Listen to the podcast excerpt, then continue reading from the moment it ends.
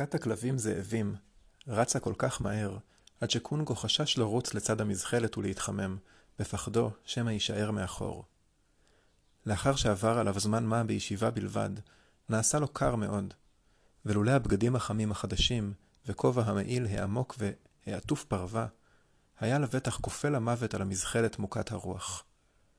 הלהקה שעתה כה מהר, עד שכמעט לפני ששם לב לכך, הם עברו בשלום על פני גשר הקרח, וכך הגיעו לחופה של פנים היבשת, עוד לפני שירח החורף עלה בשמיים הכהים. קונגו עצר את הלהקה למנוחה בפקודה חדה, ושחרר בזה אחר זה את כלבי הזאב מרתמתם, תוך שהוא קורא בשמו של כל אחד ואחד מהם. אחר הוציא מתוך שק אור גס שהיה מונח על המזחלת נתחים עשירים של בשר כלב ים קפוא, וחילק אותם לכלבים.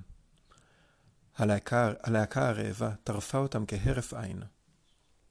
אז התיישב על המזחלת, ובקור הדומם של ליל החורף הצפוני, הביט בכוכב הערב הזורח גבוה מעל גבעות החוף.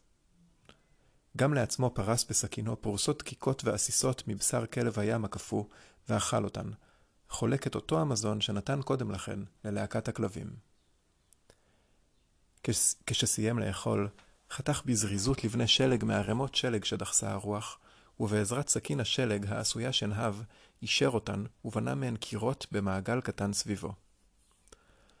לאחר שכל הלבנים הונחו במקומן, וגם כיפת האיגלו הייתה גמורה, זחל קונגו החוצה דרך הפתח הקטן, ומילא בשלג את כל הסדקים והחריצים שבין הלבנים.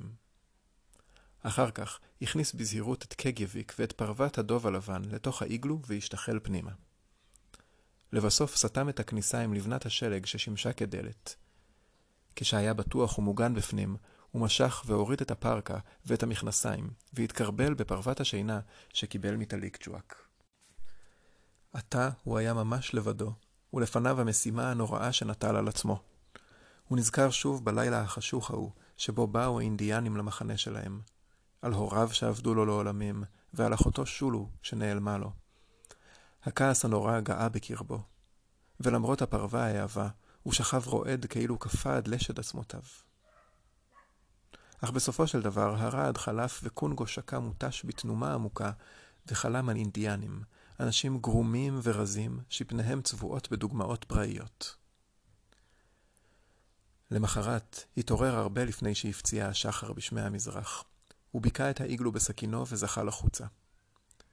בהרף עין הייתה הלהקה מוכנה והוא רתם כל כלב וכלב בתשומת לב, ואחר ארז את קגייביק בזהירות בנרתיק הארוך והמגן שלה, לצד האשפה שהכילה את חיציו. לאחר מכן, עטף אותו היטב בין כפליה הרכים של פרוות הדוב, וקשר אותו והצק בשר כלבי הים אל המזחלת. כשהכל היה מוכן, קרא קונגו בשמו של אמהוק, והלהקה זינקה קדימה. המזחלת טסה לכיוון דרום, עוקבת אחר קו החוף, כשמדי פעם בפעם קרא קונגו פקודות לאמהוק, שהוביל את הלהקה בבטחה בצעדיו הארוכים והקלים.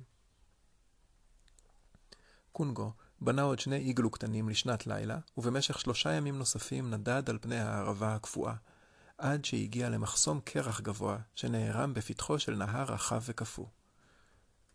שם הוא עזב את חוף הים ופנה לכיוון פנים היבשת, נוהג בנתיבו הרחב של ערוץ הקרח. קונגו סקר את גדות השלג שמשני צידי הנהר. המראה הזכיר לו את ארץ מולדתו ואת ימי ילדותו, אך עד כה לא הצליח להבחין בבתי שלג כלשהם, או כל סימן חיים אחר במקום הנטוש הזה. הלהקה הוסיפה לשאתו במהירות הלאה, במסלול הנהר המתפתל. בלילה השלישי הוא עצר, האכיל את הלהקה ושוב בנה לעצמו איגלו. אחר ישב על המזחלת לאכול את ארוחתו היחידה לאותו היום. תוך כדי אכילה התבונן בירח שזרח בשמיים כמו עין של ענק כפור עצום, השולח את אורו המאונח בנתיב צר וזוהר על פני הגבעות. הוא שמע את הקרח שעל האגם חורק וגונח בקור הדומם, כאילו חבויה מתחתיו איזו מפלצת המתאמצת להשתחרר.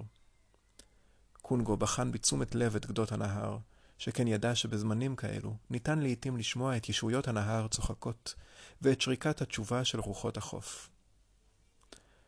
למרות שהוא עצמו מעולם לא ראה את האנשים הקטנים, מכל מקום, הוא שמע לא פעם את הזקנים מספרים כיצד אוהבים הללו לזחול החוצה מבעד לסדקים שבקרח, לשכב על הגב, לבעוט ברגליהם באוויר ולצחקק, וכל זאת בדיוק בנתיבה של קרן האור, אור הסער. לרגעים, נדמה היה לו שהוא אכן שומע קול צחוק קטנטן, אך הוא לא הצליח להבחין בדבר באור החיוור. אחר כך, דמם הכל. כלבי הזאב רצו בשקט סביב בית השלג, וקונגו התעטף בחמימות של פרוות השינה שלו, וישן עד הבוקר. היום השלישי והרביעי של מסעו הביאו אותו עמוק לפנים היבשת. אך ביום החמישי התחוללה סערה גדולה. תחילה נעשה האוויר חמים דווקא, ופתיתי שלג הסתחררו מטה אט-אט. אולם בהמשך התגברה הרוח ונשבה ברוב זעף על פני הקרקע המושלגת, וקונגו לא יכול היה לראות אפילו את הכלבים הרצים לפניו. הוא עצר את המזחלת ובנה במהירות איגלו קטן, למרות שבינתיים הרוח הפכה כבר כל כך פראית, עד שעקרה כמה מלבני השלג מתוך ידיו. הוא האכיל את הכלבים בשאריות הבשר האחרונות וזכה לתוך האיגלו שבנה. שם נרדם וחלם, והתעורר, והרהר, ושוב נרדם וחלם. במשך חמישה ימים התדפקה הרוח בעוצמה רבה כנגד בית השלג הקטן שלו, וניסתה לעקור אותו מהקרקע. אך הוא בנה אותו היטב, והבית עמד איתן. עד שלבסוף ויתרה הרוח ונדדה לה הלאה, מעבר למישור, בהותירה מאחוריה רק דממה לבנה רחבת ידיים. כשחתך קונגו לבסוף את דלת השלג ויצא החוצה, נראה כל הנוף כנתון תחת כישוף לבן. ישויות הרוח רבות העוצמה פיסלו בשלג צורות פראיות וערמו גבעות סחף גדולות כנגד גדות הנהר. במקומות אחרים, לעומת זאת, הן טיטאו את, את שכבת השלג וחשפו את משטח הקרח של האגם שהיה קבור מתחתיה. הכל סביב השתנה. ענני שערה סמיכים בצבע עופרת עדיין הסתירו כליל את השמיים, וקונגו לא יכול היה לדעת אם על השמש או על הכוכבים הם מכסים, האם יום הוא או לילה, וכמו כן, לא יכול היה להבדיל בין מזרח למערב. על כן התכופף, ובידיים חשופות גישש מתחת לשלג הרך כדי למצוא את השדרות של תלמי השלג הישנים שנקברו תחתיו ושנמשכו מצפון לדרום. כשמצאו אותן ידיו לבסוף ונעו לאורך קו הפסגות הקשה, הוא ידע את הכיוון שבו עליו לנסוע. אז רתם את הלהקה ויצא לדרך. הם התקדמו באיטיות רבה ביותר, היות שגם הכלבים כמוהו היו רעבים אחרי צום חמשת הימים. לקראת ערב מצא קונגו את הרכס שחיפש וחנה למרגלותיו. היה זה רכס נמוך שהשתרע הרחק לכיוון דרום עד שנעלם באופק.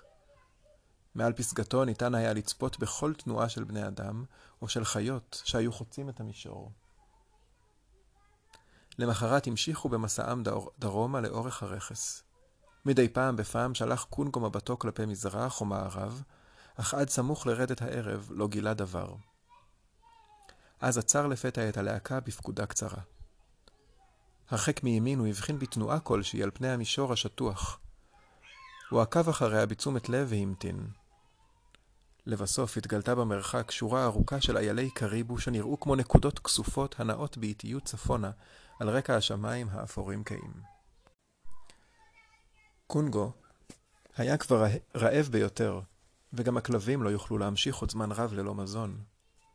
הוא גם ידע שבארץ זכיחה זו אין סיכוי שתזדמן לו שוב חיות לצוד. אך מנגד, להבת הכעס שבערה בקרבו אמרה, אל תעצור, תמשיך, תמשיך קדימה, עכשיו.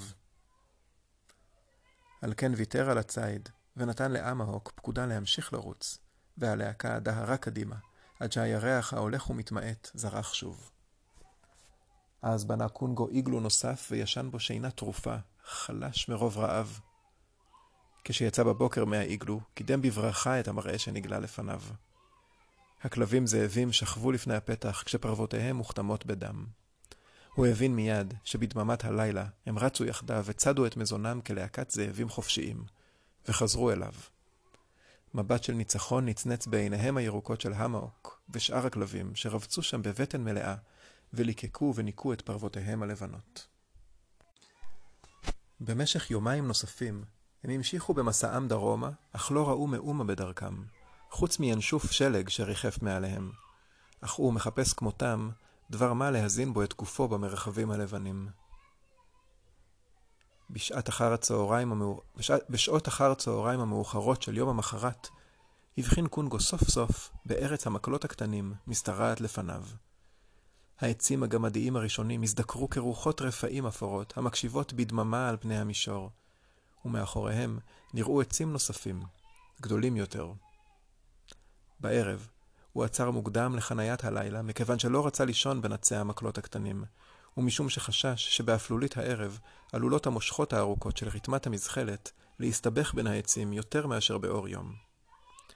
הפעם, לפני שנכנס לאיגלו לשנת הלילה, הוא התבונן סביבו בזהירות והאזין בתשומת לב. הוא חש פחד בתוכו. הרעב כבר הציק לו עד כדי כך שהוא חתך רצועה מרתמת האור ולעס אותה, בתקווה שזה ייתן לו קצת כוח. בלילה הסתחררו לנגד עיניו חלומות מוזרים, וכשאחד מכלבי הזאב השמיע יללה ארוכה ועצובה לעבר הירח, הוא זינק ממקומו בן רגע, ומצא את עצמו קורע בדריכות, פניו אל פתח האיגלו וסכינו שלופה בידו. למחרת, הוא יצא מהאיגלו ורתם את הכלבים עוד בטרם הבהיר הירח ובטרם עלה השחר. הוא לא הספיק להרחיק, והנה ראה לפניו את שלושת הדמויות המפוסלות באבן. אלו חייבות להיות הדמויות שהזכיר האיש הגבוה והרזה, מהנהר בעל שתי הלשונות.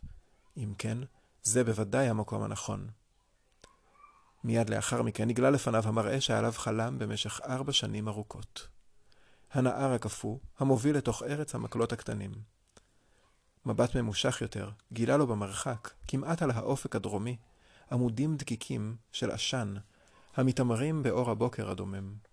אלא שעכשיו, לא היו שם עשר מדורות, כפי שראו שלושת האנשים לפני כמה שנים, אלא יותר מעשרים.